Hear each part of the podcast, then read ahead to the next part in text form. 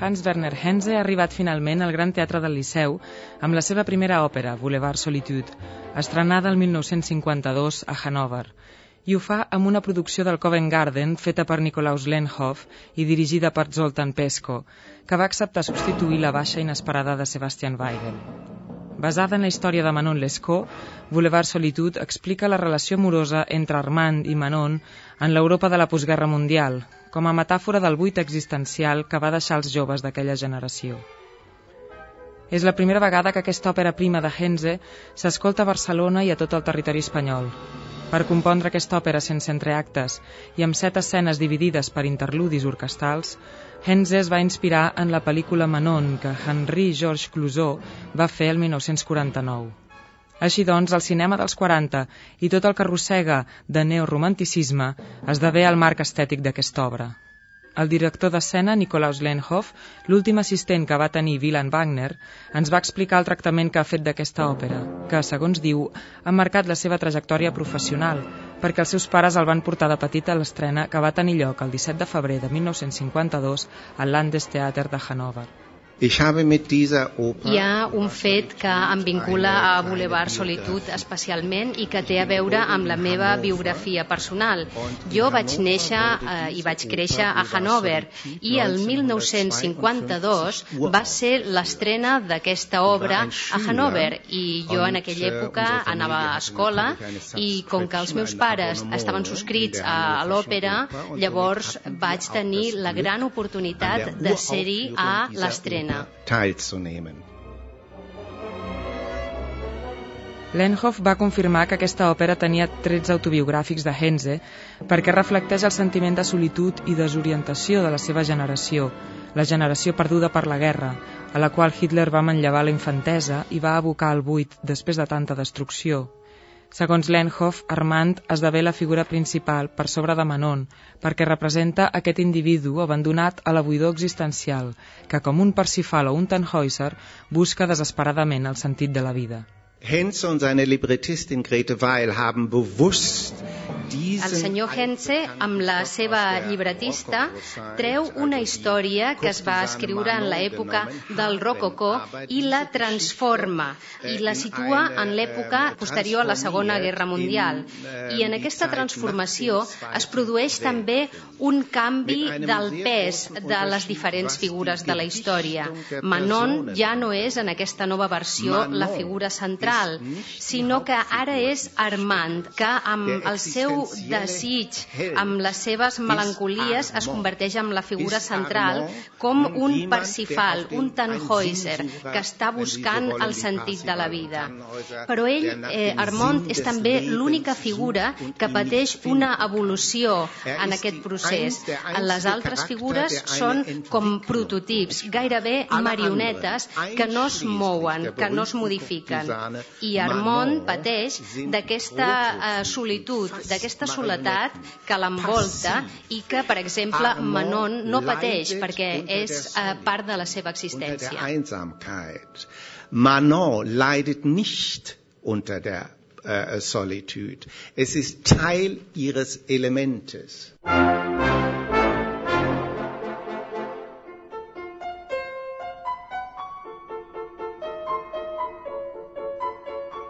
Quan a la construcció musical de Boulevard Solitude, Lenhoff va dir que es tractava d'una forma molt eclèctica, en la qual Henze fa referència a altres estils de l'evolució musical contemporània, com el jazz o la música concreta, a partir del fonament d'una atonalitat que sembla que vulgui retornar constantment a una melodia inconscientment esperada.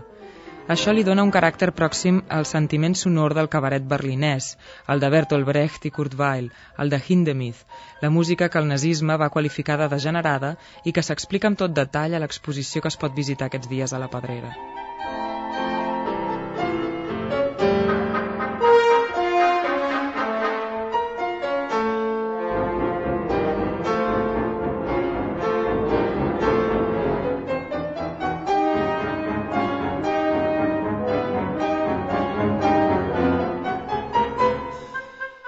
Laura Aikin és la Manon d'aquest Boulevard Solitud. Aquesta soprano lleugera nord-americana, de consolidada projecció internacional, coneix prou bé l'obra de Henze per haver estrenat L'Upupa a Salzburg al festival del 2003. Aikin va comentar com ha treballat el seu personatge amb Lenhoff, una Manon que correspon al prototipus de dona fatal, molt inspirada en les vamps del cinema negre nord-americà o en les figures femenines deshumanitzades de Murnau o de Dreyer. Aquesta fredor era el repte que li plantejava aquesta interpretació. This sort of a production, first of all, I just want to say that it's, it's um, estic molt contenta d'haver pogut de ser part d'aquesta obra en un valor artístic tan elevat. i he de dir que l'atmosfera de treball quan se'n va parlar d'aquest projecte que es va iniciar al Covent Garden des de llavors l'atmosfera de treball ha estat fantàstica. I jo com a artista sempre eh, busco aquest equilibri entre la música i el drama. Jo em sento també eh, amb un esperit d'actriu molt fort. i a més a més he pogut també col·laborar amb molts compositors vius i poder així interpretar millor la seva obra. Eh, bueno, I amb el senyor Hense jo vaig eh, participar també a la seva obra Luguspar a Salzburg. Llavors, eh, poder eh, interpretar aquest paper va ser per mi molt important eh, i s'havia de fer també amb molt respecte musical per l'obra. El senyor Hense no volia que que l'obra s'interpretés d'una manera seca, s'havia de posar eh, aquest, s'havia de tractar amb, amb humanitat, amb aquest caliu. Eh, però el senyor Lenhoff em va plantejar un repte perquè quan jo intentava buscar una, un aspecte humà de la meva figura de Manon, ell em deia que no, que havia de ser un prototip, que era això el que s'esperava de Manon, que no havia de tenir una connexió amb un ésser humà. I això era molt difícil, perquè un sempre arriba a un moment en el desenvolupament d'aquesta figura on diu no, no vull anar més enllà. Per què? Per què una persona hauria d'actuar d'aquesta manera? Però és el repte que se'm plantejava i jo havia de representar aquesta Manon d'aquesta manera tan especial.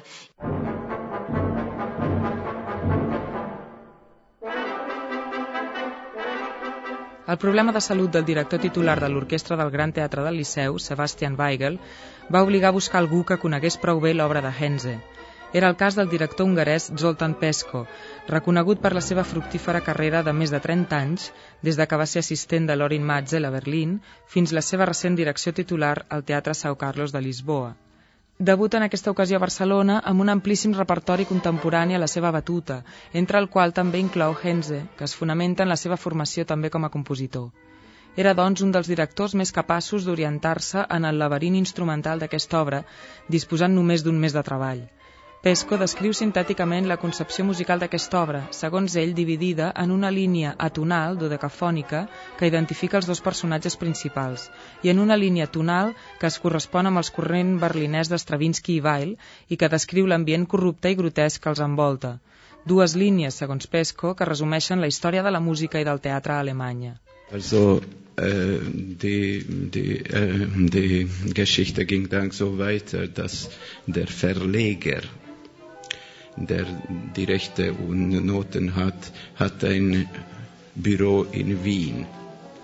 Da ich nach Budapest gegangen bin, habe ich gebeten, dass sofort jemand mir eine Partitur gibt. Vielleicht. Ich wusste natürlich von der Oper schon. El que vaig fer llavors és dirigir-me a l'editor dels drets i de les, de les notes musicals d'aquesta uh, òpera, que tenia la seva oficina a Viena. Jo en aquell moment em trobava a Budapest i vaig rebre les partitures d'aquesta oficina de Viena. Llavors eh, vaig dir, bé, igual els hi dono una ullada. Vaig fer-ho i vaig... Eh, a més a més, jo sentia que tenia una obligació personal amb el senyor Hense, el que coneixia de la meva època d'estudiant a Roma. Llavors, durant una nit vaig estar fullejant les partitures i ara he de portar-li la contrària al senyor Lenhoff en una cosa que ha dit. Jo no trobo que aquesta obra tingui una forma d'expressió eclèctica. Jo penso que té dues clares línies que d'alguna manera representen i resumeixen tota la història musical del teatre i de tota la història del teatre i de la la música a Alemanya en el segle, a la segona meitat del segle XX. I aquestes dues línies són la línia atonal, en la seva majoria dodecafònica, i la línia tonal, que té a veure en l'època de Berlín, del Kurt Weill, de Stravinsky. Llavors, aquestes dues línies eh, són represes aquí i eh, això té també influències de la dramatúrgia musical que trobem trobem també, per exemple, a Wagner, amb el seu eh, cromatisme també. Però està eh, tota la situació posseïda per una situació en la qual els, eh, la línia atonal representa l'amor pur que es dona entre Armand i Manon, mentre que la línia tonal eh, representa l'ambient grotesc de l'escó, l'ambient ambient de les drogues, de la cocaïna, dels baixos fons, de la delinqüència. Wo die Atonale eigentlich die, die reine, die Liebe, die, die, die Armand und, und Manon zusammen? Und die Tonale ist die groteske, fast kriminelle von Lescaut, die Nightclub-Geschichte die Drogen, Kokain und so weiter. Per ell, la gran tasca d'un director és vetllar perquè la transmissió del so que es produeix entre els músics, especialment entre la corda, flueixi sense cap mena d'obstacle. Hans Werner Henze, que va fer història al Liceu assistint a l'estrena de Boulevard Solitude el passat 2 de març, declara en l'entrevista que publica aquest mes la revista Òpera Actual que els intèrprets d'avui en dia ja se senten còmodes amb una partitura com aquesta, perquè 50 anys després de compondre-la ja senten més aquesta mena de teatre.